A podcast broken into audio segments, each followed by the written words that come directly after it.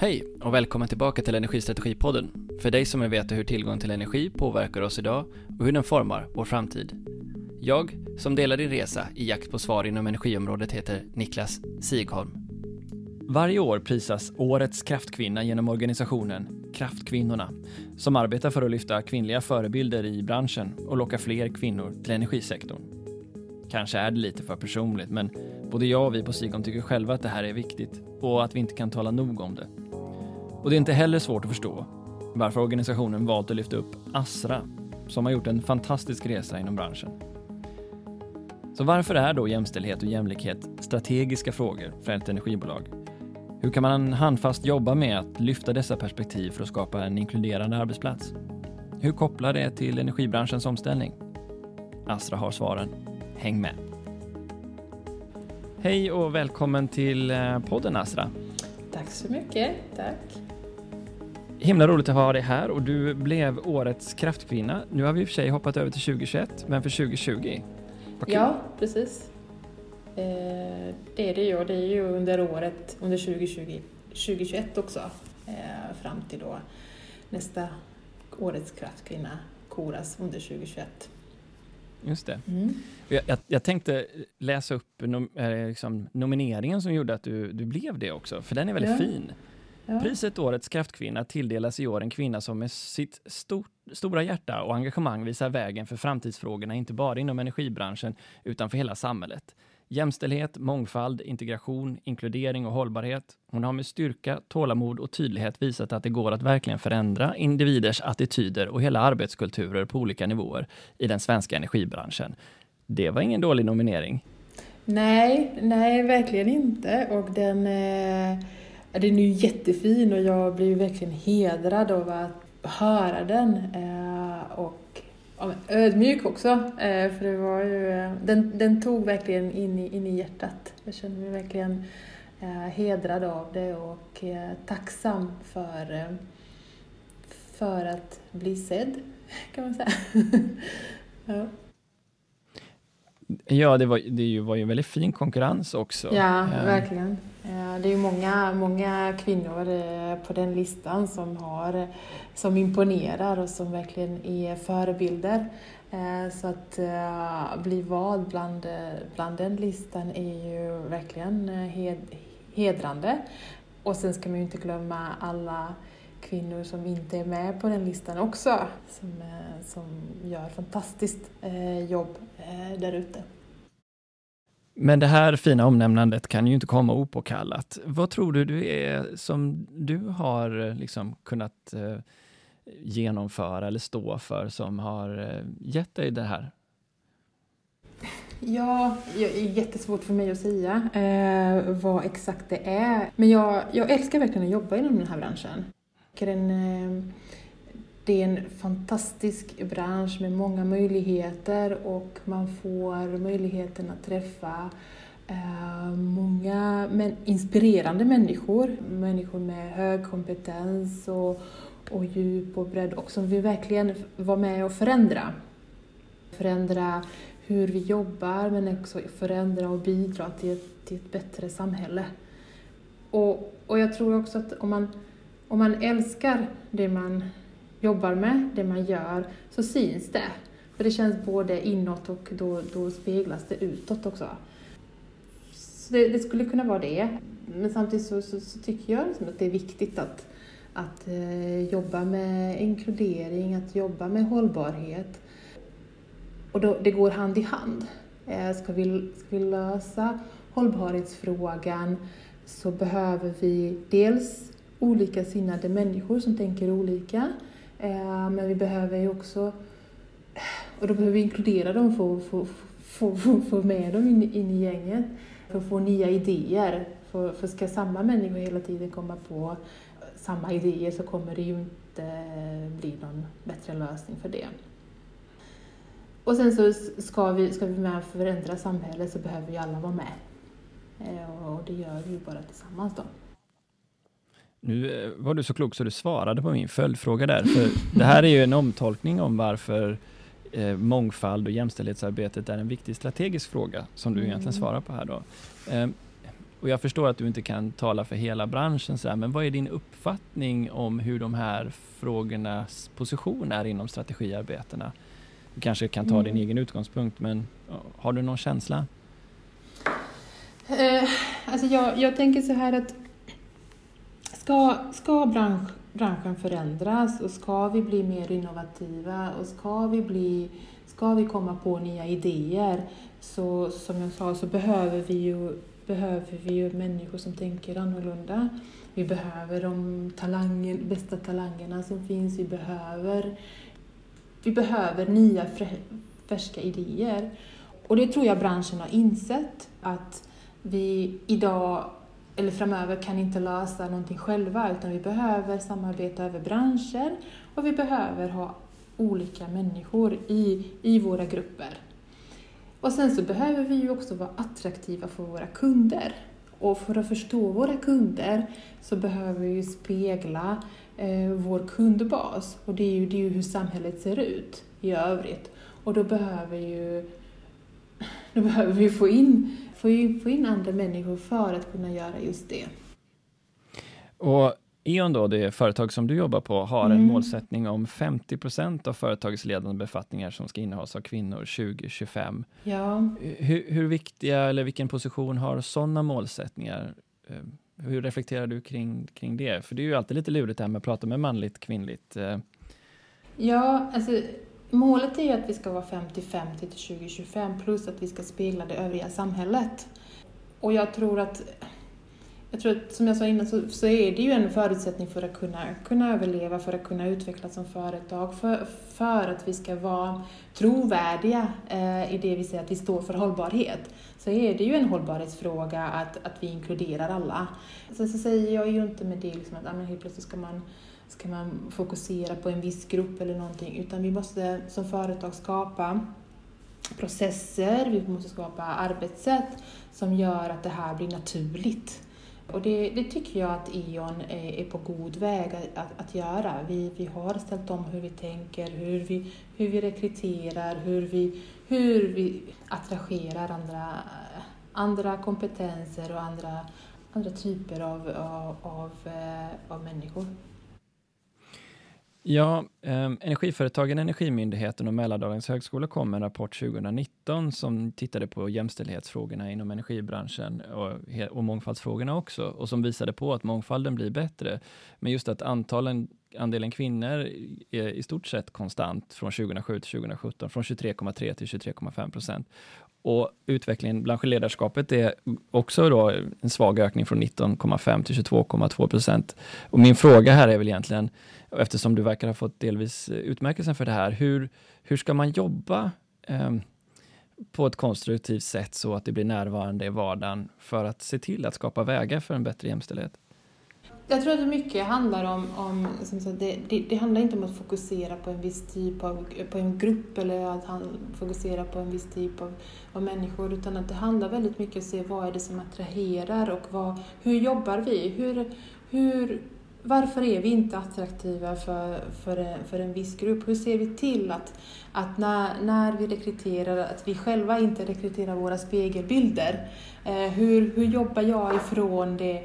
Eh, för det, forskning visar ju också att, jag, jag gärna, att man gärna Eh, att man gärna rekryterar likasinnade. Ja, men hur ska vi medvetengöra våra, våra chefer, våra rekryterare att, att gå ifrån det där, att, att skapa medvetenhet om det omedvetna. Eh, det är ju det vi behöver jobba med. Sen när vi, när vi har de processerna, när vi har de arbetssätten så tror jag att det kommer att lösa sig per automatik. Du verkar ju också ha varit väldigt engagerad i mentorskapsprogram och att mm. träffa studenter. Vad, vad ser du där? Vad, vad är det som går att få med dem på och vad är utmaningen? Ja, det, det, är ju fantastiskt att vara, att vara mentor. Eh, för är man mentor så lär man sig jättemycket. Även om man, om man ska försöka vara den som, som, är, som är mentor och försöka lära ut och försöka lotsa, lotsa någon eh, eh framåt. Men det som, det som är lite slående eh, är ju att det, det som har varit lite min insikt är ju att vi som bransch inte har alltid varit bra på att få ut eh, kunskapen om hur, hur vitt, eh, spritt, alltså hur, hur mycket man kan jobba med, hur mycket man kan, hur mycket olika, olika typer av utmaningar eh, som finns inom vår bransch. Man, man, man tror att men det, ni, ni, gör, ni gör el ungefär, och så här. Utan det, men men det finns så mycket annat. Det är ju det är alltid slående när jag tar hit mina adepter till, till anläggningen, vilken ögonöppnare det är. För att här kan man jobba med innovation, här kan man jobba med ekonomi, med logistik, med, med kemi, med, med energifrågor, med hållbarhetsfrågor. Alltså det, det är en oändlig lista. Och det, det tror jag inte att alla inser hur, hur egentligen hur attraktivt det är, att utmanande, utvecklande det är att jobba i en sån här bransch. Det behöver vi bli bättre på.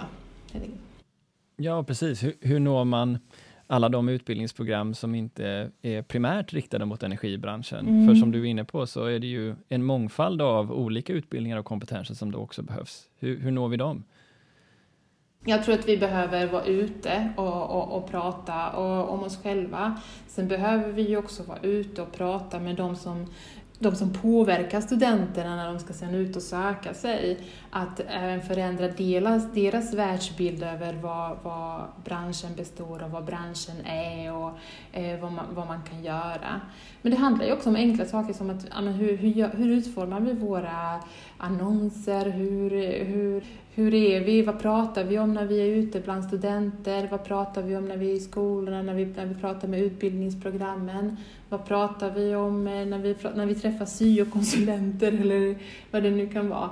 Jag tror att vi har en ganska förenklad bild av, av, av energibranschen, men liksom att när vi pratar nu när vi ska in i och digitalisera och när vi ska utveckla våra anläggningar till att till att bli smartare och att kunna använda energin på, på flera sätt och att kunna samsa med, samsas med, med staden så är det ju helt andra, andra områden vi är inne på. Och jag tror vi behöver också, eh, kanske som bransch, in, inse det och vara och prata med den typen av utbildningsansvariga och de, de studenterna som, som är där och promota oss. Hur var det för dig då? När du gick i gymnasiet, var, var det självklart för dig att du skulle komma in i energibranschen? Nej, det, det var det inte.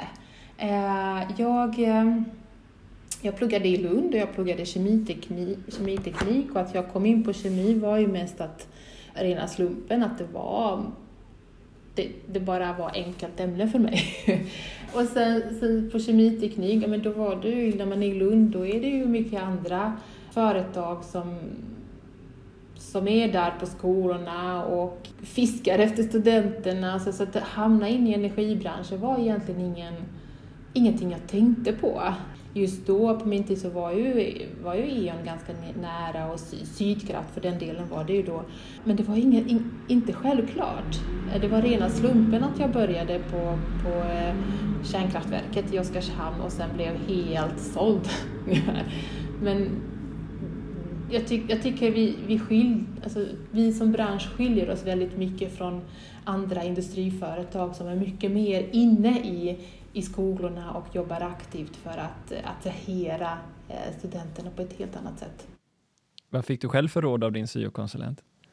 Ja, eh, när jag skulle söka till gymnasiet så, så ville jag ju läsa natur.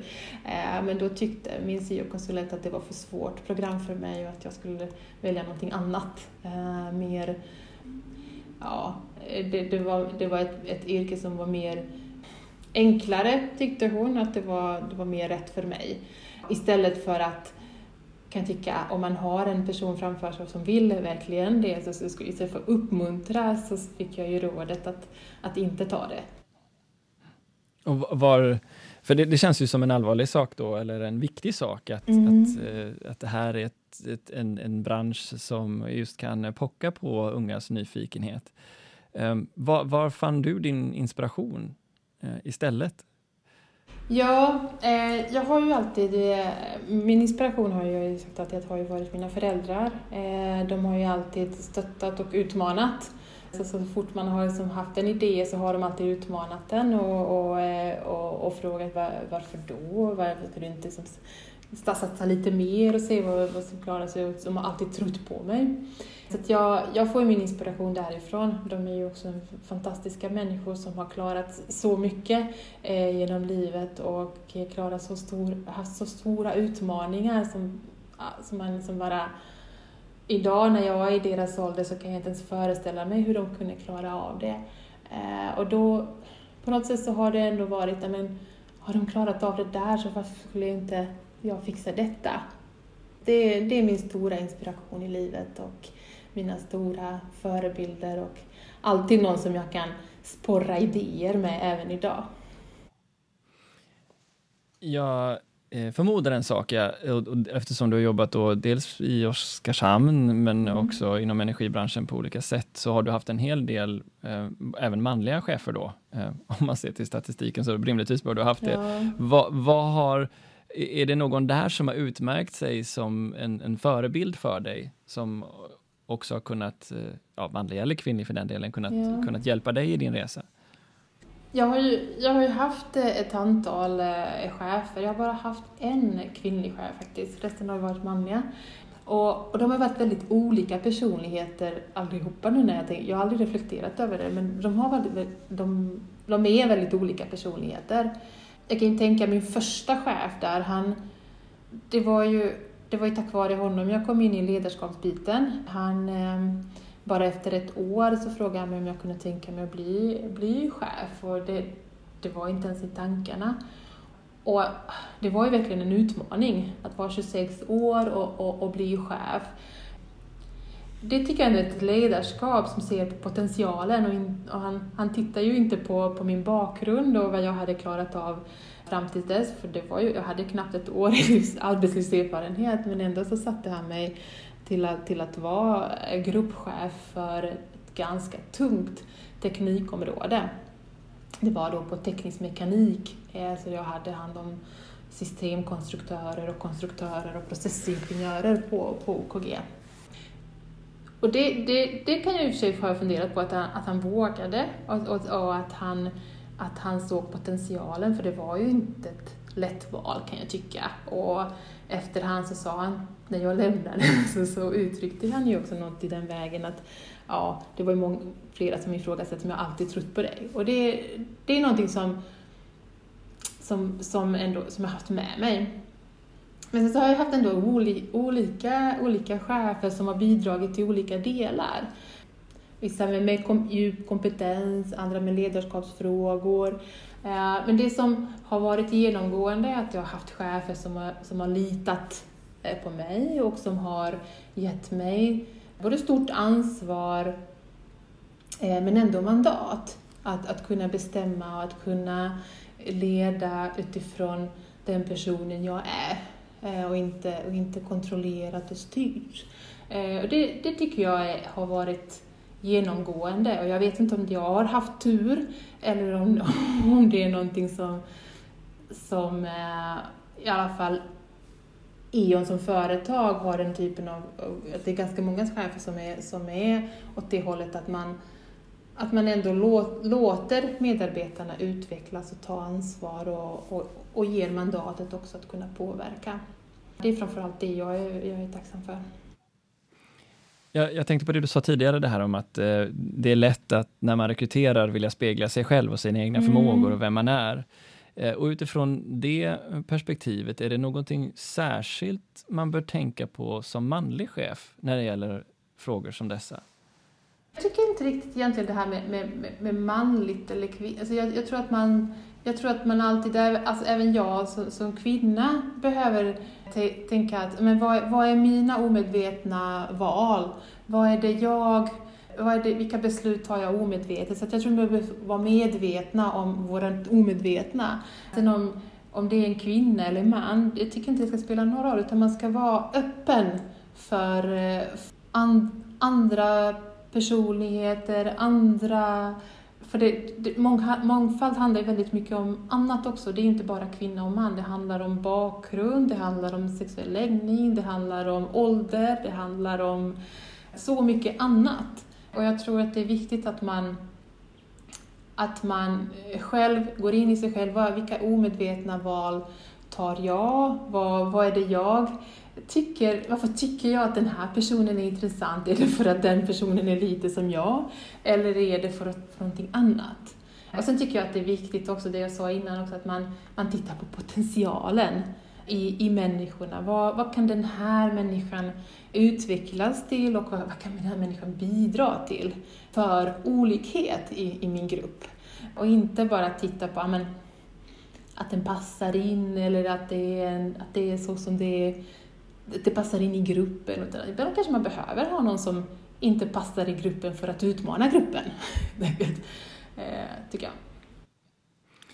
Jag, eh, jag, jag tänker så här på begreppet uh, “culture eats strategy for breakfast” och mm. att strukturer kan sitta i väggarna. Har du några har du eh, några, eller har du stött på några bra tips och idéer på hur, hur det går att medvetandegöra de här tankarna i situationer när man sitter och väljer nya medarbetare, nya chefer, om att gå utanför sin egen säga, referensram och fundera eh, på alternativa perspektiv.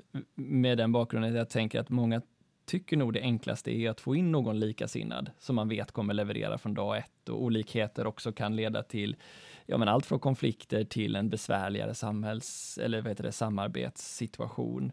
Eh, utmana gärna detta, men, mm. men finns det, något, finns det något, något sätt där det här kan bli en del av vardagen som du ser det jag, tror, jag tycker vi, vi behöver, i, organisationen behöver vi ha en dialog kring detta. Kring hur, hur, jobb, hur jobbar vi, hur är vi, vad tycker vi är viktigt?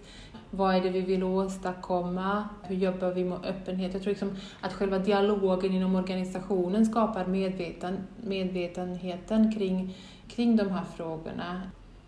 Och har vi en dialog i, i grupp så tror jag att varje individ går sen och det triggar igång tankar hos individer oavsett om det är medarbetare eller chefer eller någonting. Utan det, man behöver få upp frågorna på bordet och diskutera dem och peka på, på eh, vad fallgroparna är och vad, vilka positiva effekter det kan få om vi, om vi är olika. Och, och vilka negativa effekter det kan få när, när vi är alldeles för lika och när vi, när, när, när vi tycker tycker samma allihopa. Jag tycker det är dynamiska grupper och eh, grupper som, som, som triggar varandra, som utmanar varandra. Det, det är de, de grupperna och det är de, de teamen som, som skapar utveckling.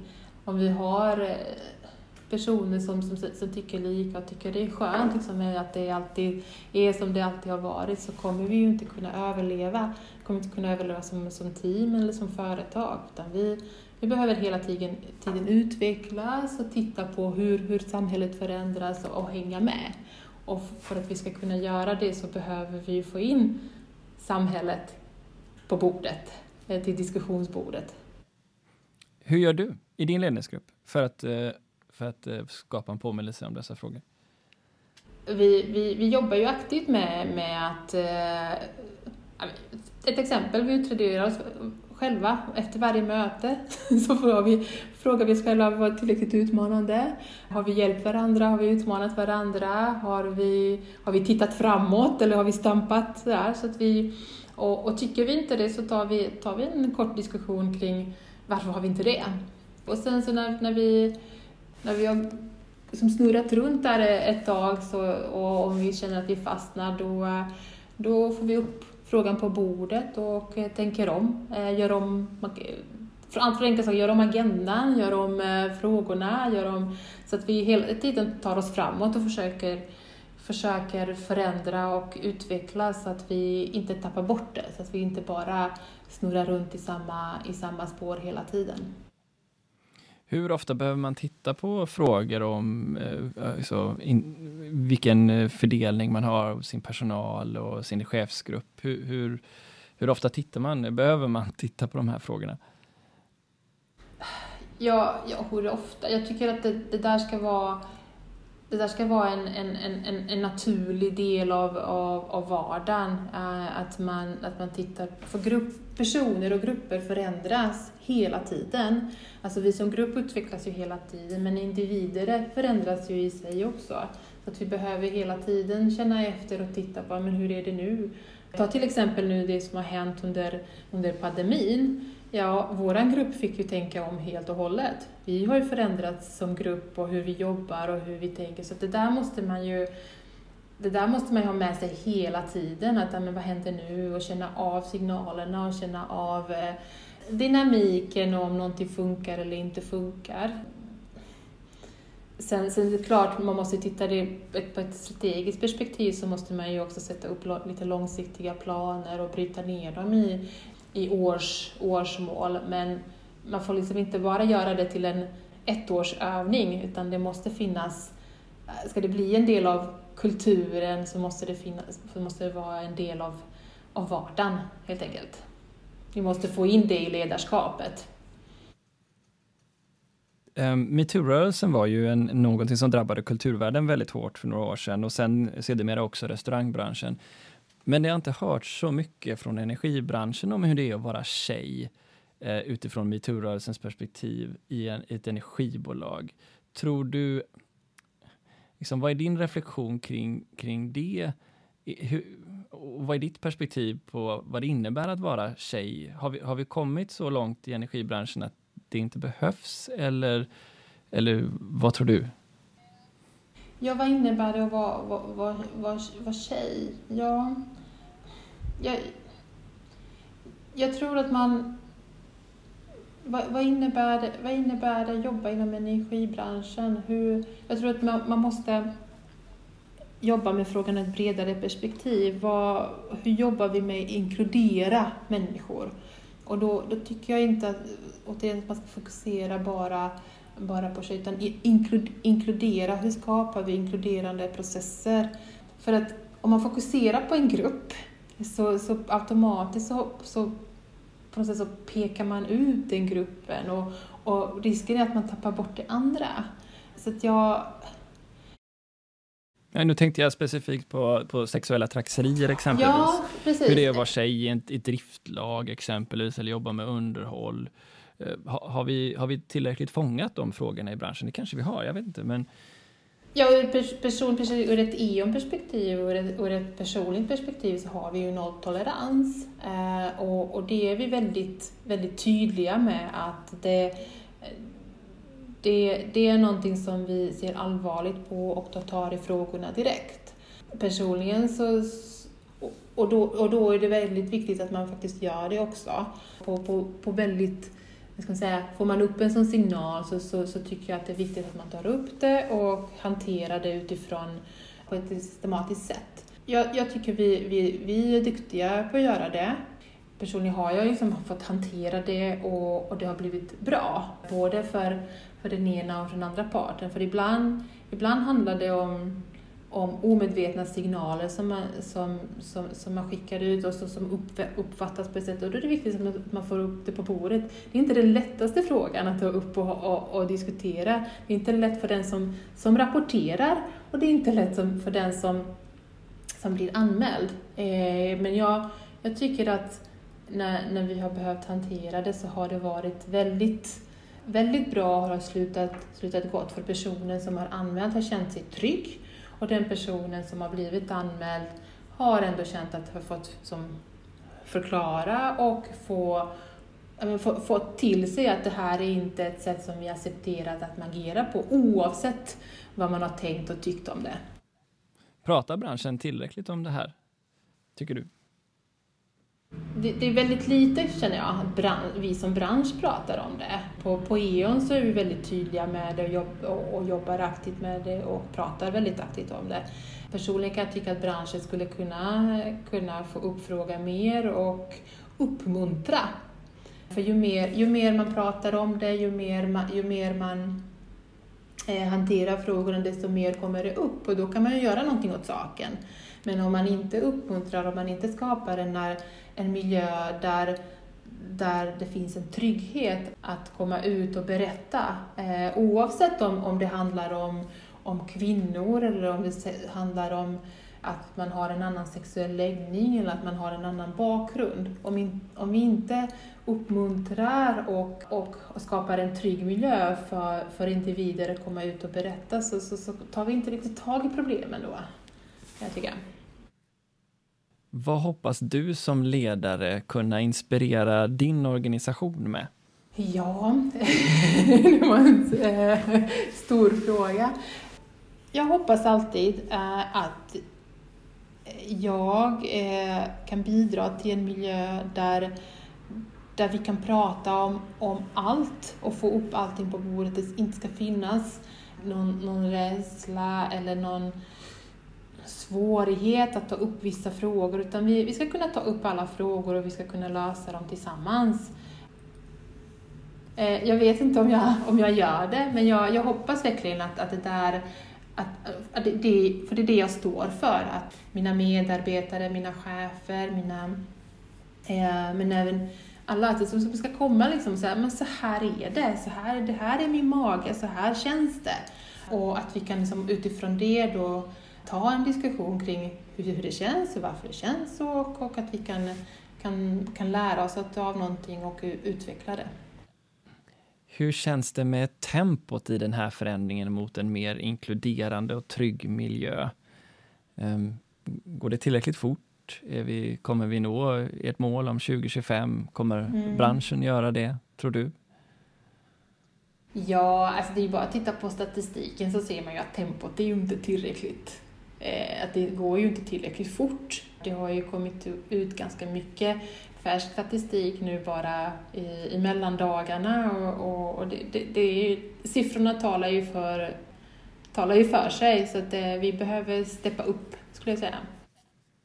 Eh, hur skulle vi kunna samverka i branschen för att göra det på ett bra sätt? Har, du, har, vi, har vi några idéer? Men återigen så tror jag att det, det handlar väldigt mycket om öppenhet och, och kommunikation. Eh, jag tror att vi behöver ge folk chansen. Eh, det finns som enkla, enkla medel, skapa olika, jag tycker liksom det, det vi hade, ett, vi har haft ett program, Äntligen jobb till exempel, som har varit väldigt lyckat eh, och då var det inte bara vi i branschen utan det var ju olika branscher som samarbetade där man gav människor chansen att bara visa vad du kan.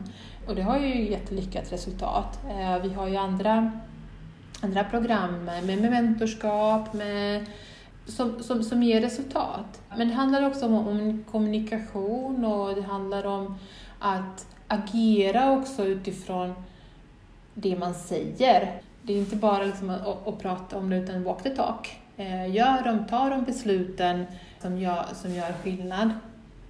Och, och vi som bransch kan nog liksom hjälpas åt att lära av varandra. Vad gör någon annan som inte vi gör och vad är det vi gör som är bra? Alltså dela, dela idéer med varandra kan vi skulle kunna bli bättre på.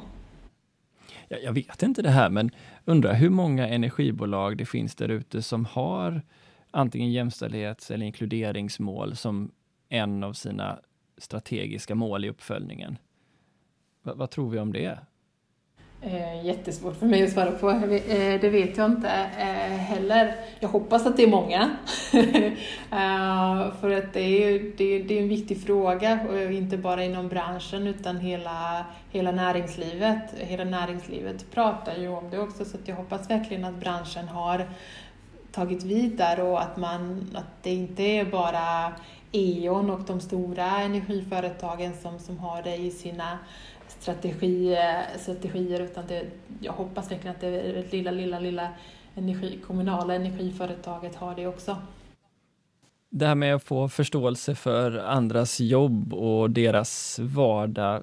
Eh, hur lyckas man med det? Hur lyckas man få någon att, att, att gå i någon annans skor, så att säga? Finns det något ja. bra exempel på det? Ja, det finns ju många bra sätt. Jag, jag har ju själv en erfarenhet att jag har, jag har gått i andras skor med en del TF-roller och så här försökt ta, gjort, liksom, gått och testat någon annans jobb. Och det har ju verkligen skapat förståelse. Eh, nu kan ju inte vi ta alla våra medarbetare och så bara snurra runt och förstå. Så här. Utan det vi jobbar väldigt mycket här hos oss är ju, handlar ju väldigt mycket om att berätta du behöver göra det här på det här och det här sättet för att det, konsekvensen om du inte gör det ska bli, bli detta. Så att liksom förstå, för, försöka få förståelse för, för hela kedjan, hur det hänger ihop och eh, vad som händer när, när en länk inte, inte fungerar som den ska. Men jag skulle verkligen vilja rekommendera alla att om man får möjligheten att gå i någon annans skor och om man får möjligheten att testa på någonting annat, så skulle jag verkligen, verkligen vilja rekommendera det för att man, man får bättre förståelse för, för hur andra människor har det. Man får deras perspektiv på affären, så att säga. Och sen så är det väldigt lärorikt. Du lyfter upp här eh, för förmågan liksom att lyssna också. och jag, jag tänker, det ska vara kul att höra vad, vad är som du ser det de viktigaste egenskaperna eh, för att vara en bra lyssnare? Ja, det är ju det, är det klassiska att ha stora öron och liten mun.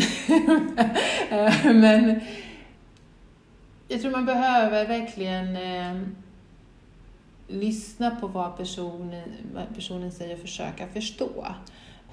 Var väldigt noga med att inte ge svaret och att inte men så här har jag tänkt, eh, så här har jag gjort, eh, utan eh, lyssna, ställa öppna frågor och in, återigen inte förutsätta att, att den personen du pratar med är, ser på världen så som du gör.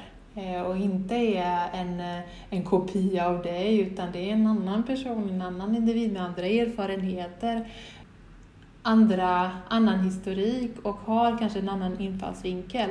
Så liksom, ta tiden, lyssna, ställa öppna frågor för ibland får man då svar som man inte riktigt hade väntat sig och som kan ge en själv andra idéer, det kan trigga igång hjärnan lite och ge den andra idéer.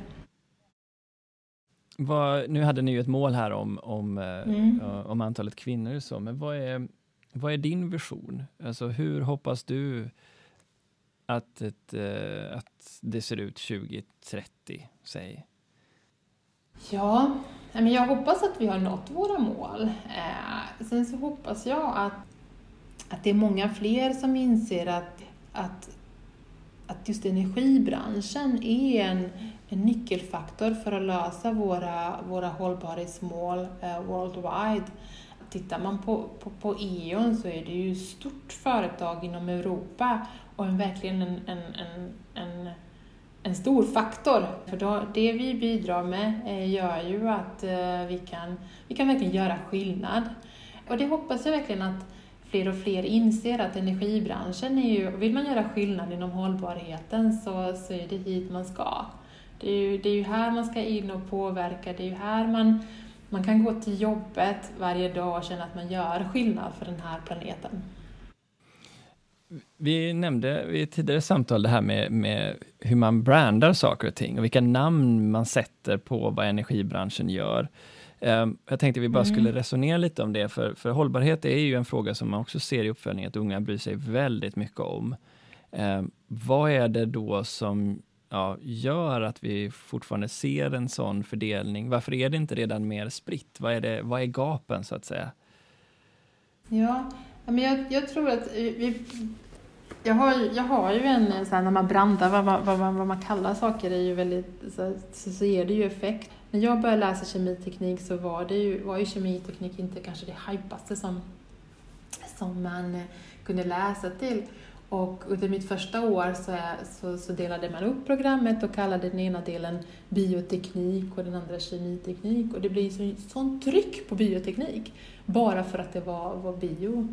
Och sen i ett senare skede så, så ändrade man den inriktningen jag läste från kemisk apparatteknik till processdesign. Och det blir ju också en sån här hype. Så det, jag tror att vi inom branschen behöver tänka mer och mer kring det. Vad, vad, vad, vad kallar vi saker för att det ska vara attraktivt?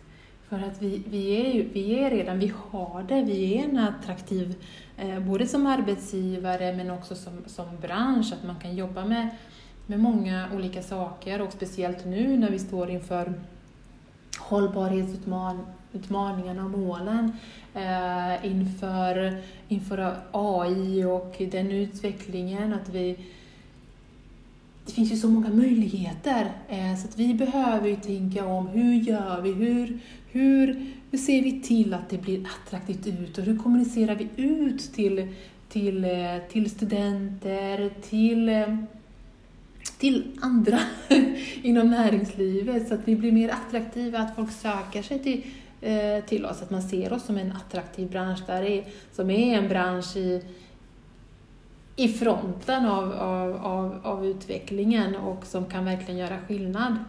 Eh, jag är lite rädd för att man ser oss fortfarande som ett litet, ja, lite, lite stelbenta och lite långsamma och sådär. Eh, och det kanske vi är i många fall. Eh, men vi har ju så mycket annat där vi verkligen är på topp. Där vi, där vi utvecklar eh, olika tekniker och där vi tillsammans med andra kan, kan göra skillnad. Så det, ja, jag, jag, jag, har, jag har ingen bra svar där vad vi skulle, hur vi skulle kunna rebranda, men, men jag, jag tycker det är viktigt Eh, och att vi, vi behöver tänka efter där för att kunna... Det, det spelar roll vad, vad, vad, man kallar saker, helt enkelt, för att, för att vara mer attraktiv. Hur ser eh, din framtid ut? Nu har du blivit eh, årets kraftkvinna här. Vad har du för mål framåt själv? Ja, eh, men jag, jag, jag tycker om att utvecklas och jag tycker om att ja, jag, jag älskar, jag har sagt många gånger, jag älskar det jag gör. Jag är en person som, som, som har hamnat rätt eh, och de människorna jag jobbar med är så fantastiska eh, på många sätt, både ur ett eh, kompetensperspektiv, eh, duktiga, kunniga människor, eh, men också allmänt roliga att vara med. Eh, så det är som varje dag så, så, så kommer man ju till jobbet, och, eller är på Teams nu för tiden, och, och, och skrattar. Så jag, jag kommer jag, jag gillar, och, och, jag gillar branschen, och jag, eller jag älskar branschen har jag sagt förut också. Och, och jag, jag tycker om det vi gör, speciellt nu när de målen vi har satt upp, att vi, vi ska ställa om Eh, och hållbarheten, är, det är ju inte bara att vi ska vara det, det, det, är ju inte bara inkluderingsfrågorna och mångfaldsfrågorna. Hållbarheten här handlar ju också om att ställa om våra anläggningar. Uh, och det är ju så himla fantastiskt. Nu håller vi ju på liksom och ska uh, bygga om och vi ska ställa om våra anläggningar till att bli uh, förnybara och återvunna. Och den resan vill jag ju verkligen vara med på här nu, att, eh, att göra det. det. Vi står ju nu här och ska bygga om på riktigt och det ska liksom bli, ska bli mer, eh, mer förnybart och mer, mer, mer återvunnet. Och det gör ju att varje, att varje dag som jag är här gör jag ju skillnad. Så för mig handlar det just nu om att vara med på den resan. Vara med och påverka, vara med och utveckla anläggningar, vara med och samtidigt som utveckla, utveckla människor och utveckla organisationen till att, till att bli mer inkluderande, eh, helt enkelt. Du, eh, jättetrevligt att prata med dig Astra. Tack så hemskt mycket för att du var med i Energistrategipodden. Tack detsamma. Nästa vecka gästas vi av Christian Schwarz, VD på Mölndal Energi. Det blir ytterligare ett roligt avsnitt för han har många idéer om hur både bransch, roller och regelverk borde förändras. Hans långa erfarenhet har gjort honom rik på sådana insikter. Hörs om en vecka.